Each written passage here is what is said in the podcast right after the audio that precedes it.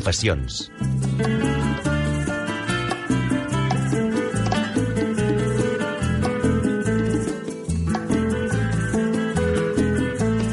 I avui al Professions volem conèixer i que ens expliquin la figura dels pescadors saliners. Josep Bartomeu, qui eren aquesta gent? Doncs jo no ho sé, però mos explicarà de seguida Josep Pitar, que és historiador i escriptor i ha publicat diversos llibres d'història, entre els que cal citar el que avui potser podria tenir relació, que és la producció i el comerç de la sal del Delta de l'Ebre a la baixa edat mitjana. Si et sembla, el saludem perquè ell sí que en sap de coses dels pescadors saliners. Josep, molt bona tarda. Bona tarda, Josep Maria. Qui eren i què feien els pescadors saliners? Bé, eh, el fet de que parléssim en passat és una, és, és, és una bona una bona manera de començar perquè efectivament és un ofici que va desaparèixer fa molts segles. Eren eh, persones que parcialment se dedicaven a això, a mig any treballar d'una cosa i l'altre mig any treballar d'una altra, perquè, igual que encara passa avui en dia, la, el tempo, el temps de la producció de sal és un i el temps de pescar les basses als estanys del Delta de l'Ebre és un altre, no? I, per tant, el que feien era compaginar al llarg de tot l'any sis mesos a una feina, eh, en, en aquest cas era de Sant Miquel fins a Pasqua, que eh, treballaven de, de pescadors i de Pasqua fins a Sant Miquel que treballaven de saliners. Hem de dir que lo, la feina de pescadors la feien a les mateixes salines o sortien d'allí? No, la, la feina de pescadors la feien a les bases, als estanys, que en aquell temps, estem parlant de l'edat mitjana, hi havia el Delta de l'Ebre. Evidentment, com tots sabeu, el Delta de l'Ebre tenia una, una configuració, una orografia molt diferent de l'actual i també les, els estanys no eren els que coneixem avui en dia. Avui en dia parlaríem de l'encanyissada, la tancada, el canal vell... Bé, en aquella època no estaven els, mateixos estanys i, per tant, eh, pescaven els estanys de l'època. A partir del segle XV-XVI el més gran es deia, es deia L'Opantà, Després també va estar Port Fangós, no? que fins al segle XX va, va existir com a tal, eh, i també es va fer una pesquera. Però eh, el que sí que, que coincidia era que la sal que es produïa al delta també sortia d'alguna manera de l'aigua que podia canalitzar-se a través de les seques i dels canals que comunicaven aquestes pesqueres. No? I moltes vegades no s'ha dit que algun peix ha escapat dins a les salines, a les bases, ante, o no?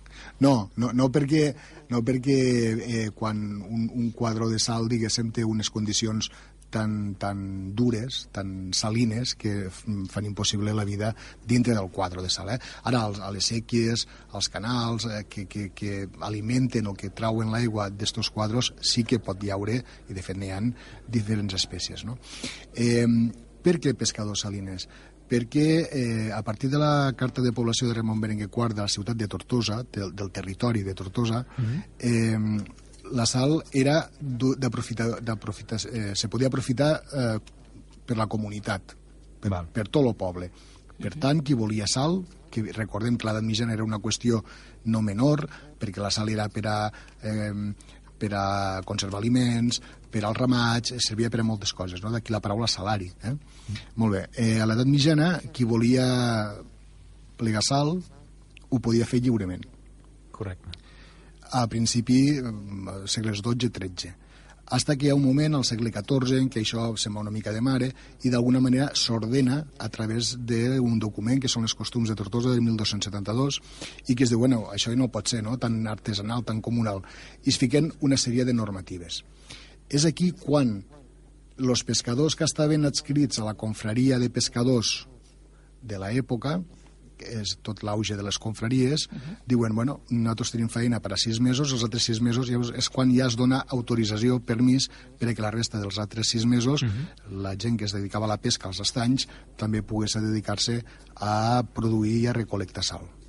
De fet, eh, eh, ho estaves explicant, són un exemple i un model d'aprofitament i respecte al medi ambient, no? És a dir, eh, bé, agafaven una zona i l'explotaven en totes les vessants que els era possible, pescant i fent sal, i quan s'havia acabat, a una altra zona, però no, no era allò de, de, deixar, de fer les coses a mitges, per entendre'ns. No, no, totalment, eh, totalment cert, eh, Josep Maria. Eh, una mica també eh, hem de pensar que era la necessitat, d'alguna manera, no? Penseu que eh, la pesca al mar obert és una, és una activitat relativament moderna eh, abans, almenys aquí a la zona de l'Ebre, anar a pescar a la mar, com entenem avui en dia, és del segle XVIII. mm, finals del 18 i, i, i jo et diria pràcticament començaments del 19. Per tant, pescar al mar a l'edat mitjana no era habitual. Per abastir la gran ciutat de Tortosa i tota la resta del territori, el peix se traia bàsicament de la pesca a les llacunes, en aquestes llacunes que estan al delta de l'Ebre, i també mm, de la platja, eh? tirar un rall o tirar alguna, mm. alguna mena d'art menor. Però anar a pescar al mar no, no era habitual.